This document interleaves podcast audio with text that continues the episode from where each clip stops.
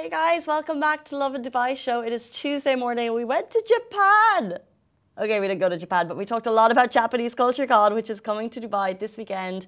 The man who got fined 7,000 dirham for sending too many text messages. Yeah, that made me a little bit nervous too. Um, also, the King of the UK is coming to Dubai. We talked about COP28. And the UAE is now setting up a field hospital in Gaza to highlight its massive humanitarian involvement in the biggest tragedy that we've been faced in our time. Please take a listen. Good morning, Dubai. Welcome back to the Lovin Dubai show, where we go through the top trending stories that everyone across the country is talking about. Our top story for you today the UAE will set up a field hospital in Gaza. We'll also be talking about King Charles of the UK is coming to Dubai.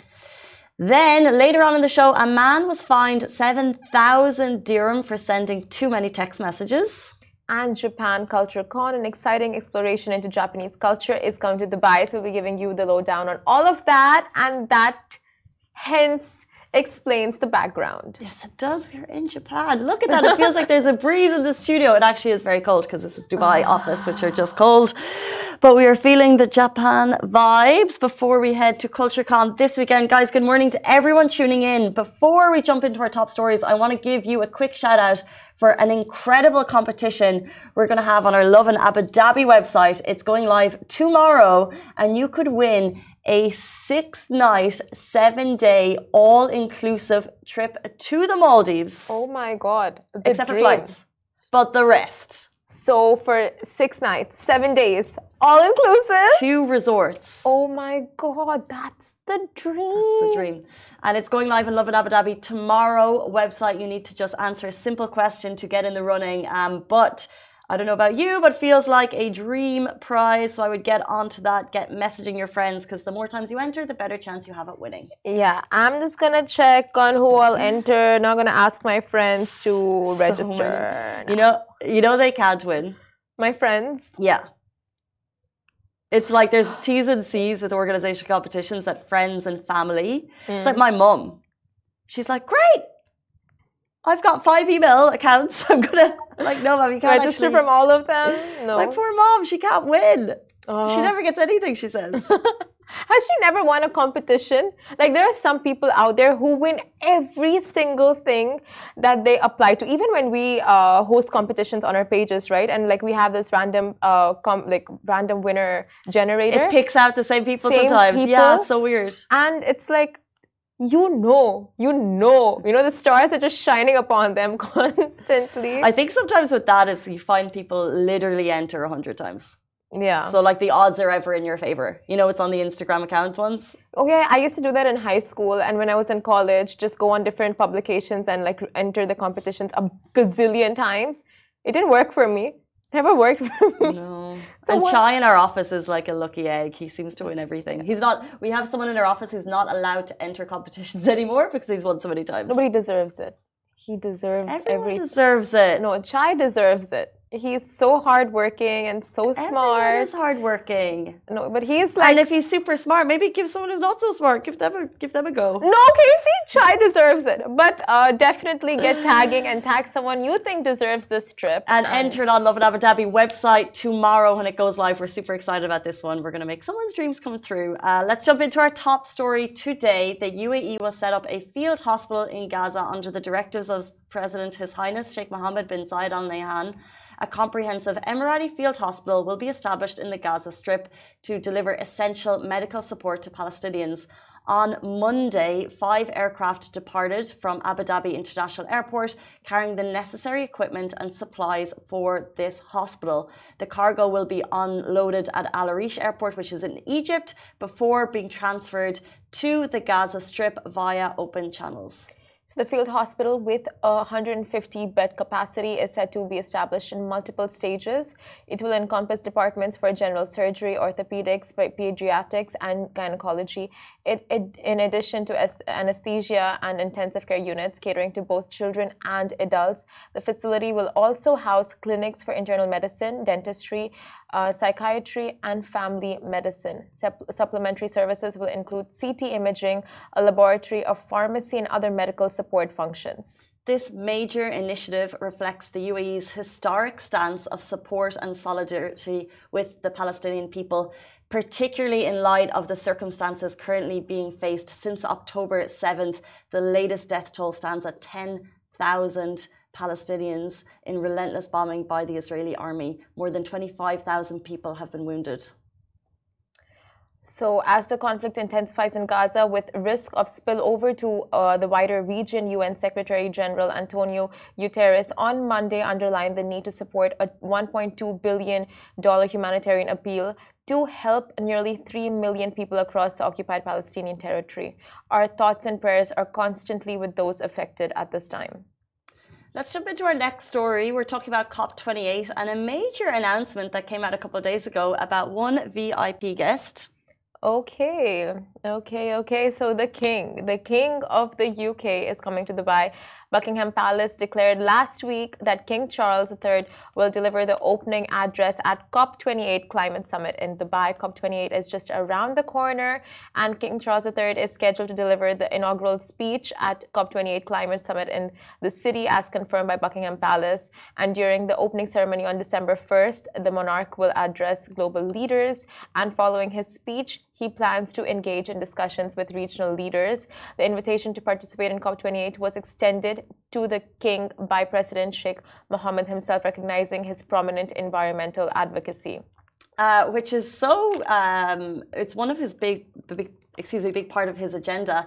And he also by the way previously spoke at cop26 and cop21 while he was still a prince he gave the opening speech at cop26 in glasgow in 2021 and cop21 in paris in 2015 his uh, absence from cop27 last year was to a prior engagement um, made during the time. And then Liz Truss, member of the parliament at that time, she held the position of prime minister despite widespread reports that the monarch had expressed a desire to physically be present at that event.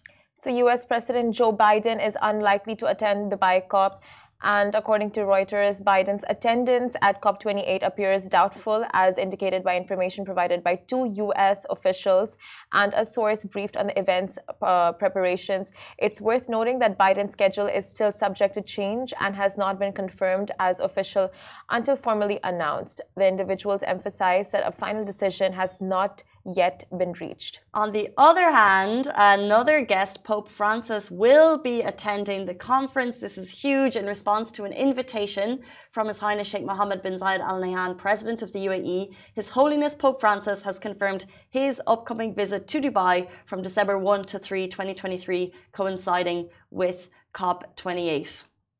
So, with a um, you know, just doing a quick Google search, you can see that King Charles is known as the Green King because of his um, just commitment to the environment, and he's a massive environmentalist.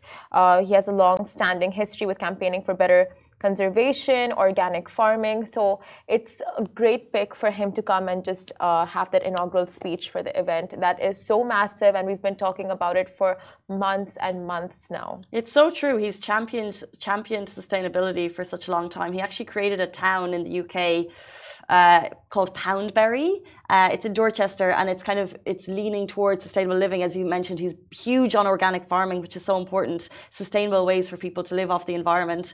Um, so yeah, him coming is massive for COP28, along with His Holiness Pope Francis. Um, it just means bigger. Uh, attention to COP28, which is basically what it needs. It needs eyeballs for change to happen, and yeah. having these big names coming through gets the eyeballs. And of course, he'll be doing the opening speech uh, to highlight his important attendance at the event. I mean, we don't even need to say it or stress on it. Like, we can feel it every single day global warming, right? Like, it's like a pressing concern. And COP28 is going to be just tackling all of those conversations. It's going to be creating a massive influence in the like we know the royals have a big influence. So this him coming is just going to set precedent for everyone like in the city back in the uk just pressing everyone to make a change. And who knows maybe he's going to be impressed by dubai and all of the sustainable initiatives that we've got going on and everything in dubai in general and he'll take some tips back to the uk okay.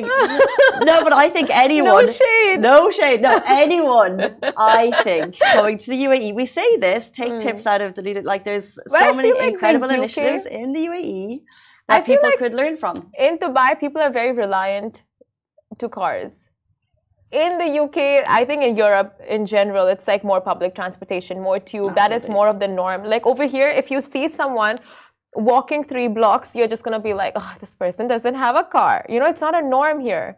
I think though it's because the incredible uh, transport network that we have clean, efficient, on time, but it only hits certain parts. And there's so many residential communities that aren't hitting, for example, the metro. However, with hopefully with the announcement of the new blue line, yeah. it'll become more accessible. Because for me, I drive because there's no bus or RTA option.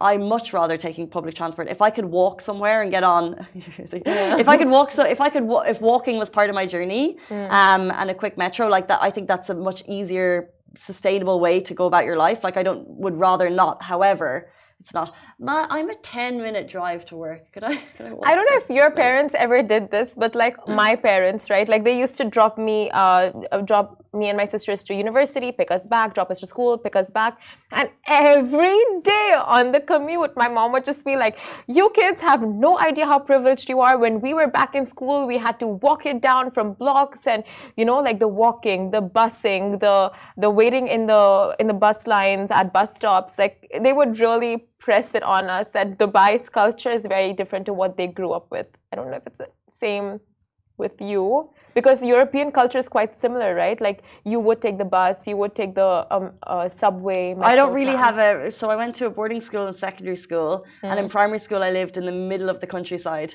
So the the bus experience that I had for a year or two, because it wasn't we were it wasn't well serviced, was like standing on a country lane for like a bus that would be late for twenty minutes, hopping on the bus it wasn't that busy. It was it was, oh, okay. it was quite acute actually. My best like music memories are because he, the bus driver used to play like rock and roll back in the day, like going to the chapel, like really old school songs. Yeah, that's it's great. Such a vibe, and I know in Europe you go like cycling, and that's a whole thing. it depends where you live. I think everyone has different experiences depending on the school they go yeah. to and where they're living. Yeah, true. Anyway, uh, Dubai is also becoming well. more cycle friendly, and I think that's yes. one of the markers as we move towards uh, being actually we just there's a new report in the last day in terms of uh, cities that people want to move to, and Dubai has once again topped huh. uh, other cities in the world. But one of the things that I think surprise, people... surprise, surprise. Not always do we top these every list, but uh, one of the things that I think people do really love is being able to cycle to work, being able to walk to work, and we're not as pedestrian friendly as we could be. But in part of the 2040 Urban Master Plan, it's one of the big goals. Yes, as we need it and as we should go there. Uh, quickly, we should go there. We're going. Um, jumping into our next story, I'd love to get your thoughts on this one. A man was fined 7k for sending too many social media messages. Yes, he was. Abu Dhabi court orders a man to pay 7,000 dirham for sending too many social media messages. This is in relation to another court story when an Abu Dhabi plaintiff won a lawsuit amounting to 30k. The defendant in that lawsuit bombarded him with messages on social media. So they were already involved in a court case. One guy loses, and as a result of that, he starts harassing this guy with messages. Oh my god, that is extremely, extremely pestering and annoying. So he lost the case and then he started to harass. The social media harassment only provoked the plaintiff uh, to sue him a second time, adding another hefty 7,000 dirhams to his bill. So harassment uh, is cause for uh, a legal, a legal. There's a there's a court for it. Yeah. Um, I'd love to know how many messages were sent. I was never a big. You can only imagine, like someone in their situation i don't um, like you know after losing and not being able to take that kind of uh, take that blow it's like the way someone can react and the reaction could be quite um, aggressive. So it must have come out in this medium. Have you ever been upset enough for example in a relationship that you would send a lot of messages? Oh yeah i'm sure. Yeah yeah yeah yeah 100% hey. Like Maybe they haven't seen it. Have you? Oh, I'd say back in the day. Back in the days, remember. then you grow up, right? And then, then you're just like, it's not even worth it. But those things where you'd be checking your phone all the time to see if someone had responded. Yeah. I think I would hold back from sending 100 messages. I was never like that. However, you would be constantly thinking, is this this is before harassment. is this person aware that I've sent the message? Let me just send another one. Let me just check.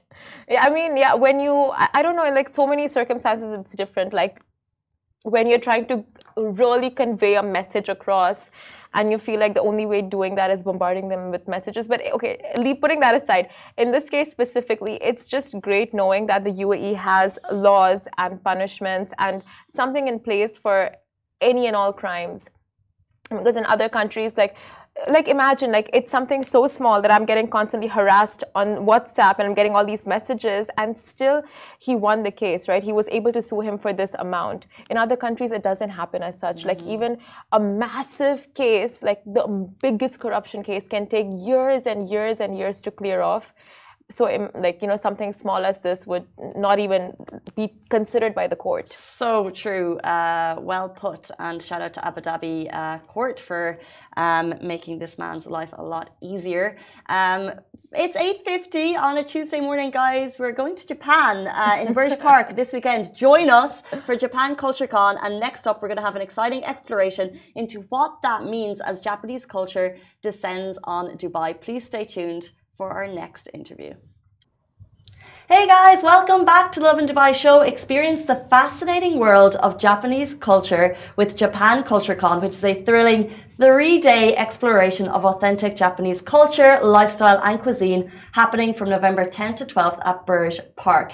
Here to tell us why this event is so exciting, we're joined by Mr. Keisaku Nishida, CEO of Westfield Event Management, Mr. Koichi Sato, event organizer, and also we'll be joined by an interpreter to get us through the interview, Mrs. Kasaki Tanaka. Welcome to the show. Thank you all for being here. Nice to meet you. nice to meet you too. I really appreciate your time. Konnichiwa. Konnichiwa. so, can you tell us what is Japan Culture Con? Hi, はい、まずジャパンカルチャーコンとは何かを教えてください。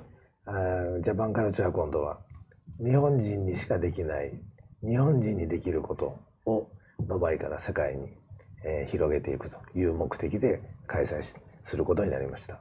Yes, Japan Culture Con has the main purpose that the, what is the only Japanese can do and what is the only Japanese can can express.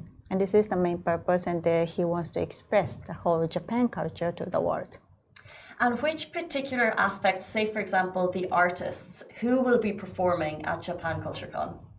どのようなアーティストがパフォーマンスをしますか？はい、そうですね。えー、今回、えー、日本からすごい素敵なアーティストたちが集まってくれて、えー、太鼓と三味線の日本で唯一の二刀流奏者ですね。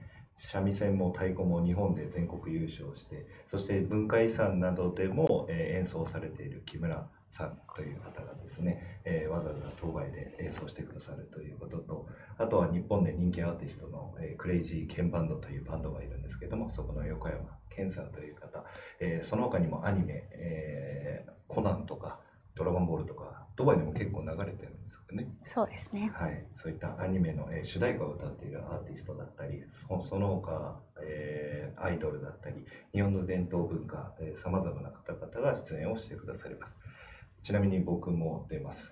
侍として。はい。はい。Uh, first of all, we will invite uh, one of the most famous uh, shamisen and uh, Japanese drum artist uh, named Mr. Yoshiyuki Kimura, uh, who got uh, main gold prizes, lots of prizes in the national competition, and as well as a world competition for the musical band. And also, we will invite the Japanese famous singer uh, named uh, Mr. Ken Yokoyama, who is belonging to the Crazy Ken band, which is also one of the most famous band in Japan. And also, uh, we will invite the lots of anime singers. Mm. And uh, maybe here in Dubai also we can listen to lots of anime music coming from like a Detective Conan or some Dragon Ball or something. And also this Mr. Koichi Sato himself will be on the stage as a Japanese sword artist. Wow. It's amazing. So if you're interested in anime or arts, and actually we're going to have both two artists coming tomorrow on the show to do a performance, which we're super excited for. But which aspect do you think people new to Japan culture will be most excited for? このイベントの一番の目玉を教えてください。 えー多分ドバイで 見たことないような日本人の数の多さが一番のえー目玉ではないかと思っています。Yeah, he thinks this is the highlight of this event that uh, many Japanese will be gathering in one place at one time in Dubai. そうで200人から300人ぐらいの日本人が来られるというふうに、えー思っております。We expect there will be around 200 to 300 Japanese is coming. What is the Japanese expat population like in Dubai? Is there a big kind of vibrant scene? Privacy, sorry. What's the Japanese uh, expat culture like in Dubai Expat culture in Dubai. for Jap- Japanese people? Um, like a good culture or some popular culture in How Dubai. many are there many Japanese people who live in Dubai? Or why is it important to bring this event to Dubai? このイベントをドバイでやる意味は何だと思いますか まあそうですね、えー世界中の人たちがいるところで日本というものをやることで、えー世界中回って日本を表現するよりもこのドバイでやることによって、えー世界中に日本を宣伝できると思っております。Yeah, uh, we can see some Japanese in Dubai also. But the most important thing for us is uh, express our real Japanese spirit and our Japanese culture and tradition from Dubai to the world because Dubai is the place which is the one of the uh, like a best developing place for now in the world. Very interesting. And very finally, before you leave us personally, what are you looking forward to most from the event? あ個人的にイベントでおすすめのコンテンツを教えてください。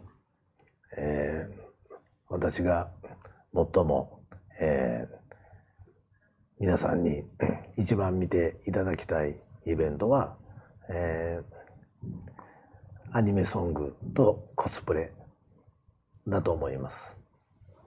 So for CEO Mr. Keisaku Nishida, uh, his recommended content is the anime singers and cosplayers. Yes. 我々若者日本の若者って本当の日本の伝統文化に触れることが減ってきてるんですね。でこのイベントを通して僕ら日本人も改めて日本の文化を取り戻すというか日本の文化に触れるということで、えーお茶のブースだったりえー飲食ブースだったりぜひ世界の方々に楽しんでいただければなと思います。So for the organizer, Mr. Koichi Sato, his recommended contents is like a tea house or some traditional Japanese contents area uh, for both, not only for foreigners in Dubai, but also our Japanese to remember and uh, yeah, recall our original Japanese culture.